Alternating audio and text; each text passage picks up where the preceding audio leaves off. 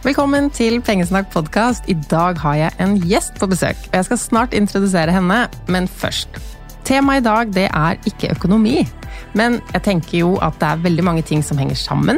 Og grunnen til at vi, altså dere og jeg, jobber for å få eller å kunne beholde en trygg og god økonomi, det er jo fordi vi tenker at det er en av veiene til, eller en av grunnstenene i et godt liv.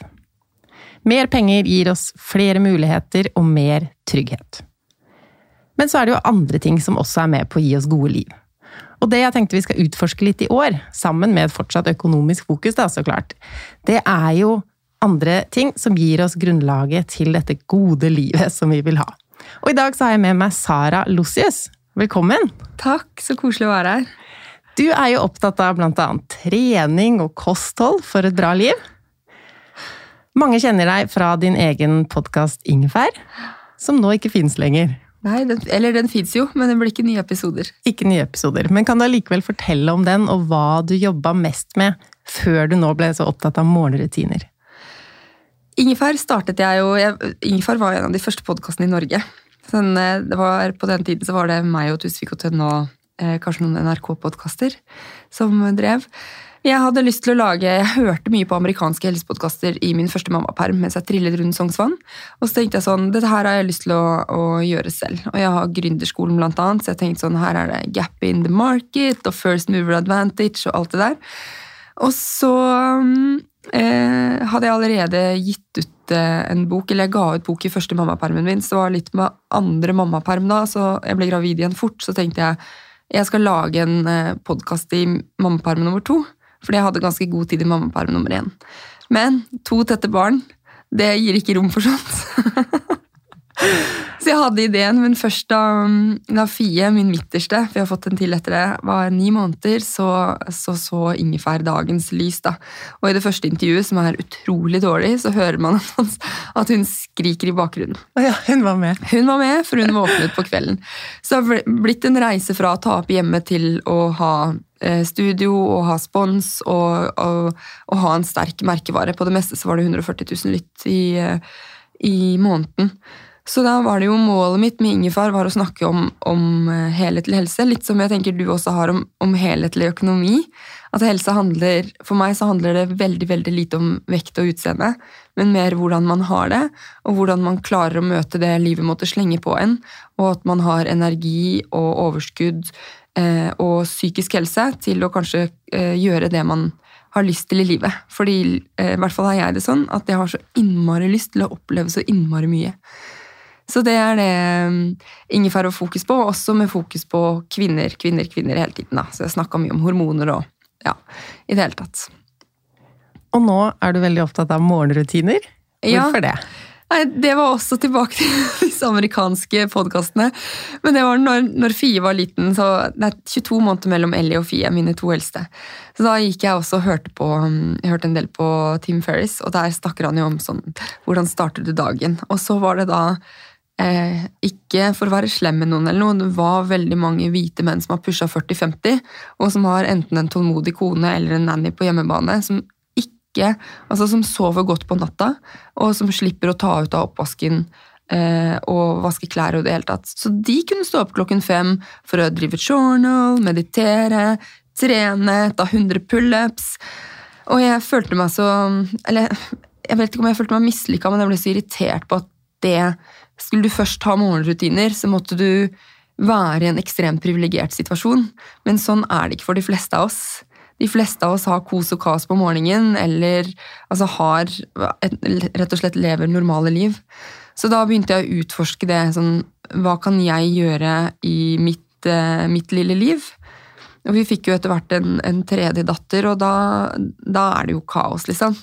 Med en åtteåring, en seksåring en toåring. Så jeg har vært veldig sånn Hvilke små grep kan jeg gjøre for å møte dagen mye mer mentalt til stede? For det var en periode hvor jeg følte at jeg startet dagen på etterskudd. Og det er en ekstremt dårlig følelse å bringe inn seg i dagen, fordi da var stressnivå skyhøyt, og bare Jeg skulle ha gjort alt dette her, og klokken er halv åtte, liksom. Så da begynte jeg å forske på det selv, og så ble det en bok og en podkast av det. Ja, så nå har du den podkasten. Men for deg, hva er en god morgen for deg? Det varierer litt. Men jeg eh, prøver å være opptatt av å liksom samle meg selv. Det er det viktigste for meg. da, At jeg samler meg selv hver dag med enten en intensjon for dagen eller et ord for dagen. Eller rekker å liksom kjenne på hvordan har jeg det i dag. Eh, hva skal jeg trenge for å ha det bedre hvis jeg våkner med en sånn dårlig følelse, som vi gjør innimellom. Og så er det viktig for meg å vente med sjekke på mobil og høre på radio sånn. Jeg vil si at jeg feiler der ganske ofte, men jeg prøver. Og det tenker jeg i sum så er det viktig for meg med en slags ro og tilstedeværelse i morgenkvisten. Så det er grunnstenen. Og så varierer jeg jo på hva jeg gjør for å gjøre en god morgen, i tillegg til å få to barn på skolen og én i barnehage. Og meg selv og mannen min enten på jobb eller på hjemmekontor. Så i dag for eksempel, så sto jeg opp eh, ti over seks for å trene litt, for jeg har så tett program om dagen. så det måtte jeg. Og det tenker jeg kan gjøre én gang i uken. Ja. Ja. Og det er også noe jeg skriver om i boken, at, at eh, man har jo syv morgener i uken, så man trenger jo ikke gjøre frekke ting eller gøye ting eller noen utfordrende ting hver morgen. For Nei, meg så tenker jeg Så selv om det heter rutiner, så må du ikke gjøre det daglig. Nei, noen tenker nok at eh, Eller noen rutiner har jeg daglig, men andre varierer jeg litt på. For jeg greier ikke stå opp eh, seks og trene hver morgen. Det er urealistisk, men i dag så har jeg gjort det. Og så drikker jeg alltid god kaffe. Eh, andre dager så sover jeg faktisk litt lengre, særlig hvis jeg har vært oppe litt med yngste. For jeg vil heller det enn eh, å være ekstremt trøtt. Så, men ro og tilstedeværelse og klem med jentene og mannen min, og hvis jeg ikke spiser frokost, at jeg i hvert fall sitter ned med jentene og ser at de spiser. Det er viktig. Ja. Og jeg har jo også lest om morgenrutiner før, og som deg, om disse som står opp klokka fem, for da har de tid til å både trene og meditere og skrive litt. Og, eh, og jeg står jo også opp klokka fem, men det er jo fordi babyen min er våken da, og jeg må opp, så det er ikke noe eh, journaling eller begynner å meditere da. Eh, så jeg syns det var så befriende å lese i din bok at morgenrutiner, det kan også være å sminke seg og drikke kaffe. Og jeg tenker at når vi tenker at vi har ikke noen morgenrutiner, er bare livet skjer. Hvis vi tenker etter, så har vi nok det. Eller jeg merka i hvert fall når nå i romjula, når kaffemaskinen min ble ødelagt, så hadde jeg ikke lyst til å stå opp. Det var noe som da, Når jeg visste at den kaffen, nykverna bønner, melkeskummet, alt det venta på meg nede, så var det mye lettere å bære med meg det barnet ned og starte dagen. Eh, og det med å sminke seg og kle på seg, det kan virke så overfladisk og unødvendig òg, men jeg tror mange som har hatt hjemmekontor nå under pandemien, merker forskjell på de dagene det bare blir pysjamaskontor, og de dagene man faktisk er innom badet og gjør noe for å fikse seg litt opp. Ja, og jeg tror også at mange av tipsene mine i boken er jo ikke rocket science. Det er jo mange, altså De fleste av oss gjør jo mange av de, disse rutinene fra før, men det å kanskje sånn løfte de opp til 'dette her er fint for meg, og dette gjør jeg faktisk hver dag', eh, gjør at man kanskje føler at man har litt mer kontroll over dagen, eierskap, at man gjør dette faktisk av egenkjærlighet. Særlig med det med sminke og klær og sånn. Jeg har jo hatt hjemmekontor i veldig mange år, men jeg har jo alltid hatt enten matchende treningstøy eller eh, vært ok kledd. Selv om jeg bare skulle hjem etter levering i barnehagen, f.eks. For eksempel. Fordi det har gjort at jeg følte at sånn Da tar jeg vare på meg selv, selv om ingen kolleger ser meg. Så ser jeg faktisk kul ut i rosa treningsklær. Jeg trente i rosa treningsklær til morgendag. Ingen ser meg kvart over seks, men jeg føler meg fin. Ja. og hvorfor er det akkurat på morgenen man skal innføre nye ting? Fordi du skriver jo ikke bare om å gjøre de tingene vi allerede har, men å innføre nye rutiner som er gode for oss. Og hvorfor er akkurat morgen et bra tidspunkt for å starte med noe sånt? Jeg tenker at man kan innføre nye rutiner døgnet rundt, kanskje ikke når man sover. Men det fine med morgenkvisten det er to ting. Viljestyrken vår er eh, full. Altså, Den er ikke tømt på kvelden. Det er jo en grunn til at sjokoladen som er i kjøleskapet, blir spist klokken ti om kvelden og ikke om morgenen. Det er ikke bare pga. at du ikke har lyst på sjokolade om morgenen. Det er fordi sånn, man gir etter. Det er ikke noe mer. Og så er det at man har så innmari mange faste ting om morgenen som man allerede gjør. Så det er lett, eh, Når det gjelder vaner, så er det lett å finne en ting som du allerede gjør, og hekte en ny vane på det. Det kalles stabling, og det er en av mine favorittmetoder. Så da gjør du noe nytt enten før, eh, samtidig eller etter en vane du allerede gjør. Sånn som en perifer venn av meg han eh, står på henda mens han trakter kaffe. Står på henda. Ja, men han er, han er Han har en fysikk som ikke, de, som ikke alle har. Men Skjønner. uansett, det gjør han da, så trener han på det. Og hvis man trakter kaffe, eller når du eh, skummer melken din om morgenen, så går det an å drikke et vann med sitron samtidig. Så føler Ja. du at du har gjort noe. Og det Så- gjør jeg òg fordi før, eller når jeg begynte å ta faste medisiner, så hvordan skulle jeg vite om jeg hadde tatt det eller ikke? Har jeg huska det i dag? Har jeg ikke huska det i dag? Og nå har jeg bare en sånn regel at jeg tar ikke en slurk kaffe før jeg har tatt medisiner. Og da veit jeg jo at jeg alltid har huska det, fordi den kaffen kommer jeg jo ikke til å glemme. Det er uaktuelt å glemme. Så da Ja, det er supereksempling. Ja, så stabling er nydelig.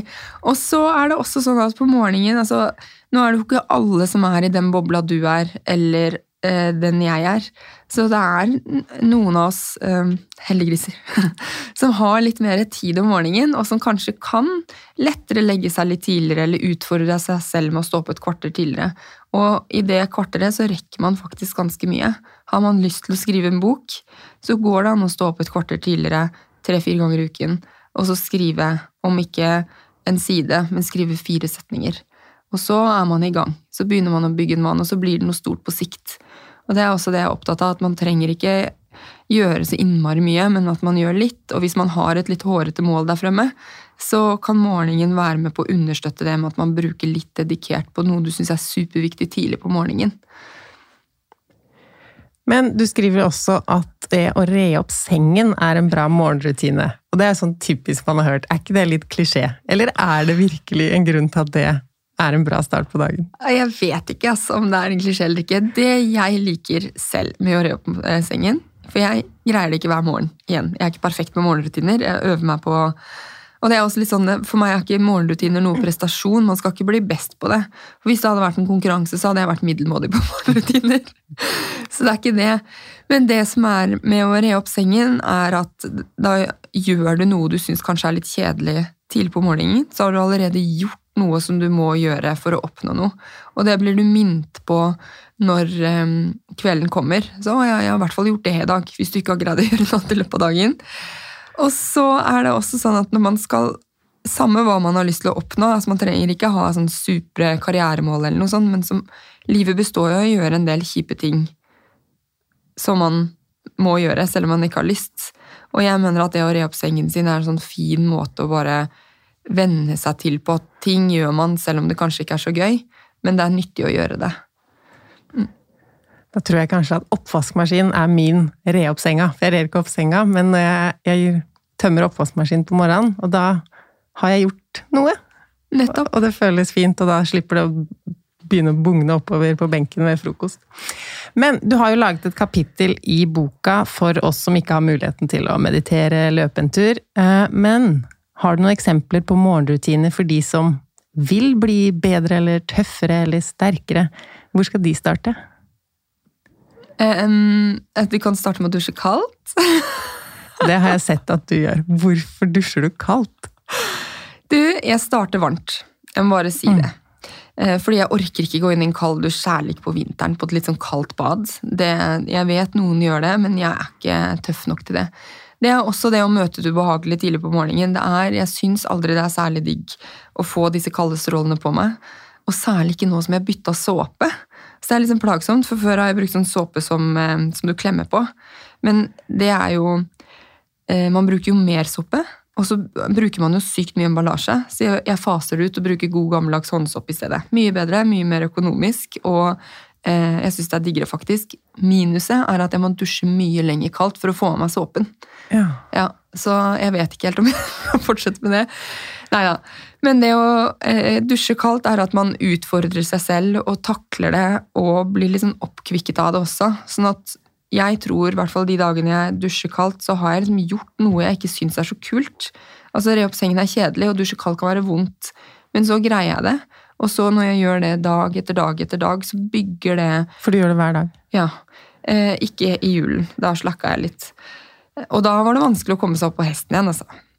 Men det bygger en sånn eh, Det bygger en motstandskraft, føler jeg, inni meg. da, En, en indre styrke.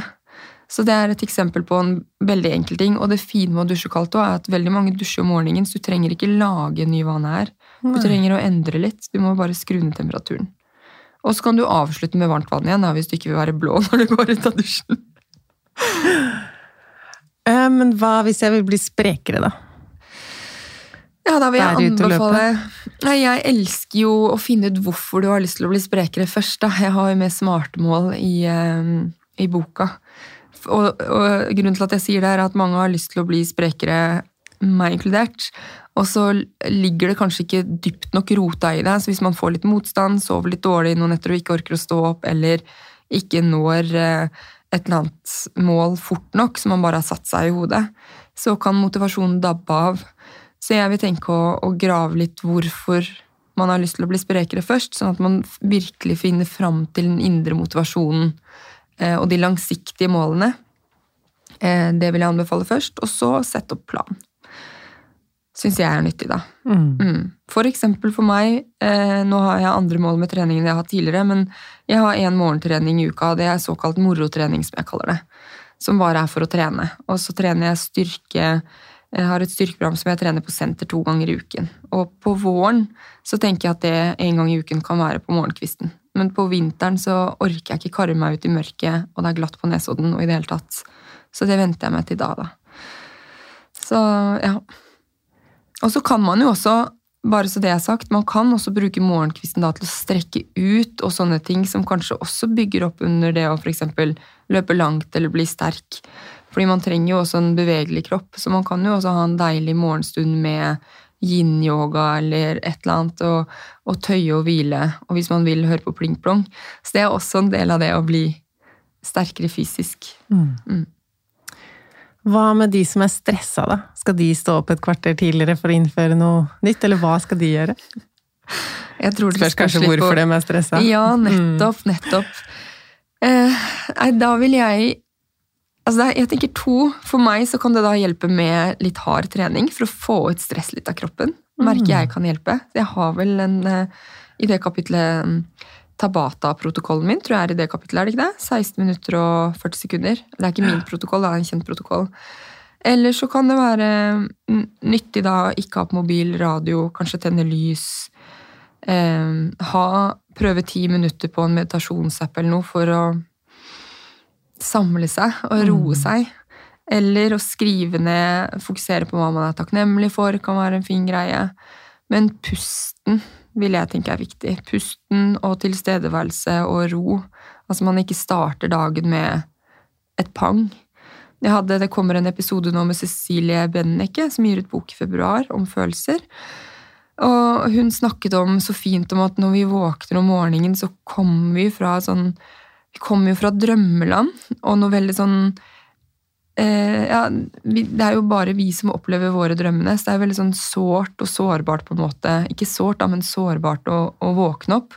Og hvis det første vi gjør da er å sjekke liksom, koronastatus på mobilen, så er det ikke noe overgang fra drømmeland til at vi møter verden der ute. Nei, rett i den harde virkeligheten. Ja, så jeg tror at hvis man er stressa, så kan det være lurt å strekke den tiden til å være i seg selv eller kroppen litt. Og hvis man har kaos rundt med barn, så prøve å tisse i fred på noe, eller når man legger sminken eller noe, prøve å være til stede i foundation for de som gjør det, eller altså at man er eh, tar det inn, da. Fokuserer på pust og seg selv og tilstedeværelse og ro. Tror du også at noen morgenrutiner kan gi bedre økonomi? Det har jeg tenkt på, for det synes jeg var så godt. Etter jeg inviterte deg hit. Ja, og så sendte du meg noen tentative spørsmål på forhånd. Og så uh, har jeg tenkt sånn, og da føler jeg meg liksom sånn forbrukerøkonom en gang. Ja, du trenger jo ikke kjøpe caffè latte, men det er ikke så mange som driver og kjøper caffè latte, tror jeg. Det, det vet jeg ikke, men jeg tenker å trekke en parallell på i stedet for hvor vi velger å legge fokuset vårt. For eh, tid er jo um, Vi har jo ikke all verdens tid på denne jorden, så det å velge å bruke tiden om morgenen og i livet på noe som gir en noe, eh, tenker jeg parallelt til å velge å bruke så fremt man har romslig nok økonomi til det. Eh, peng, eh, bruke penger på noe som gir verdi til en. Og der tenker jeg parallellen kan være. Mm. Og så hvis man kanskje tar et sånn verdijobb med seg selv, og hva er viktig for meg i livet for å ha det bra, så kanskje noe av de materielle tingene man higer etter, kommer ned på lista. Så sånn sett kan det kanskje være en parallell. Mm. Mm. Og så er vi jo ulike òg. Noen tenker at ja, hvis jeg skal ha kontroll på økonomien, og våkne hver dag og sjekke nettbanken, det gir meg en ro og en kontroll. Mens for andre vil jo det være omtrent som å sjekke koronastatusen. altså det, du vil ikke våkne opp og så rett inn i nettbanken. Så det får man jo tilpasse litt uh, til seg selv. Absolutt. Eh, og du skriver også om viljestyrke. Ja. Og det er jo en ting som også kan kobles til pengebruk, i hvert fall når man skal spare penger, eller man ikke har muligheten til å bruke så mye. Er det sant at vi har en begrensa mengde med viljestyrke? Ja, nok er jeg psykologekspert, men forskningen jeg har lest på det, sier så. At er, det er litt som en muskel, at den blir sliten etter hvert. Ja. Hvis det er som en muskel, kan det også trenes opp? Ja, er visst sånn. Ja. Så det å motstå litt kan visst gjøre at man motstår mer. Og det er vel litt det jeg tenker på, sånn som å dusje kaldt. da. Trener opp viljestyrken litt mm. hver dag, og så får man litt større muskel sammenligne med en sånn frekk biceps. At man har lyst på en stor biceps i løpet av et halvt år, så kan man kanskje Jeg vet ikke om det er så mål for så mange, da, men samme det. kanskje få en det kan større kopp viljestyrke. Um, I boka di så skriver du også at vi undervurderer hvor lite som skal til for å oppnå store resultater. Mm. Det kan jo også relateres til økonomi, men hva mener du med det? Nei, vet du hva, Nå skal jeg dra en litt flau personlig historie. Sånn helt på ekte. Fordi jeg skulle inn og sjekke Vi sparer eh, penger til barna i fond. Og så hadde vi fått litt penger til den yngste sin navnefest. Så skulle jeg inn og sjekke, og så bare ser jeg sånn Men her er det et fond. På, på, en liten slump med penger, da. Og jeg bare Hvem er det sitt, liksom? Og så viser det seg at jeg, og det her, det her er ammetåka, i 2013 så når vi satte opp eh, et fond for Ellie, da, vår første, så har jeg tydeligvis satt opp et fond for meg sjæl. Ja. Med fast rekke en gang i måneden. Som jeg ikke har merket har gått. Eh, og så da, etter eh, syv år, da, så var jo det ganske mye penger. Det, og det er rett og slett det hvor lite som skal til. Og det sier jo litt om min, kanskje det er veldig mange transaksjoner de fleste har hver måned, så jeg skal ikke shame deg for at du ikke har sett at de pengene har gått ut av konto. Jeg føler at noen lyttere bare rister på hodet over egen, men nå har jeg full kontroll også, nå må jeg si det.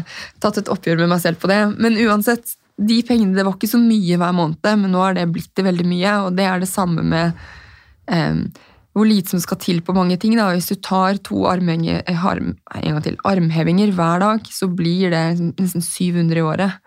Eller ja, eh, det kan man, til og med jeg greie. Ja, ikke sant? Altså, det er noe med å tenke sånn ja. Hvis man trener fem minutter hver dag, så har man trent over en halvtime den dagen. Eller det er noe med å ikke tro at det skal så innmari mye til for å oppnå noe stort. Altså Hvis man har lyst til å skrive denne boken, altså hvis du skriver litt hver dag, så er det jo dager du eksempel har lyst til å skrive mer, og til slutt så blir det, blir det noe av det. Og det antar jeg med penger òg. Hvis du kjøper litt mindre eller sparer litt mer, så på slutten av året så er det ganske mye penger mer. Det er jo det. Ja. og jeg syns jo den beste måten å spare på, er det du gjør. Og bare setter opp automatisk, for da trenger du ikke være så motivert hele tiden. Det går jo av seg selv. Tvangssparing, det er deilig. Men disse morgenrutinene, de må du jo faktisk gjøre noe. Og noen ting er det jo sånn det vanskeligste er å starte, mm. og så kan det være vanskeligere å holde det ved like. Åssen er det med morgenrutiner og de som tenker at å, det høres fint ut å ha en morgenrutine. Hvor skal de starte? Jeg, jeg, tror det beste er å bare starte. Ja. Ikke vent på at motivasjonen kommer, for den kommer som regel ikke. Eller den kommer, den kommer som regel om man ikke trenger den. Sånn etter eh, i julen, eksempel. Herregud, i januar skal jeg spise sunt, og det blir brokkoli i det hele tatt. Og så kommer januar, så er jo det ikke brokkolien du har lyst på, ikke sant. Nei. Men da må man bare, hvis man har lyst til å oppnå noe med den brokkolien, da. Så ikke vent på motivasjonen, bare gjør det. Mm. Det er det, det vanskeligste er å starte.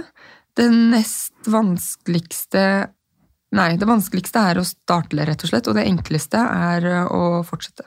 Med en gang du slutter, så må du jo på en måte starte på nytt. Mm. Mm. Så sørg for å starte hvis du slutter, da. Sørg for å starte så fort igjen som mulig. Hvis du feiler på en tirsdag, ja. så ikke vent til neste mandag. Ja, men Nei, mandag er en bra måte å Nei, jeg tenker dagen etter, da. Ja. Neste måltid, dagen etter, neste gang du har sagt du skal trene, neste gang du blir frista til å kjøpe den genseren, selv om du har kjøpt en genser du kanskje ikke trengte. Mm. Så bare ikke, ikke kjeft på deg så mye for alle feilene du gjør, heller prøv å lære av de, og så opp på hest med en gang. Ja, mm. Ikke vente til januar eller neste mandag. Eller neste år med å bli god på å spare penger. Tusen takk for at du kom på besøk, Sara. Tusen takk for muligheten. Um, kan jo anbefale podkasten God morgen, boka God morgen, som jeg har fått lese. Uh, men før du løper videre, så må jeg jo spørre deg, da, siden dette er en pengepodkast, har du et sparetips som du har brukt, eller en økonomisk tanke, en oppfordring, eller et tips som du vil dele med de som hører på? Må jo bli tvangssparing, det, da. Tvangssparing. Den Nei, har fungert. Ja. Autotrekk er nydelig. Ja, det syns jeg. Og så, hvis jeg skal ha et annet, så litt mer verdibruk versus penger. Men det er også litt sånn hvis man har romslig nok til det. Så det føler jeg sånn eh, eh litt Ikke privilegert, men eh, hvis man ikke har mulighet til å, å Altså typ kjøpe økologisk, som jeg gjør mye, versus ikke så har man jo ikke det. Men hvis man har, så syns jeg det er fint å, å, bruke litt forbrukermakt med pengene. Og så tenke på at det er digg å ha pengene selv, og ikke gi det til andre hele tiden. Mm. Ja. Takk for nå. Takk.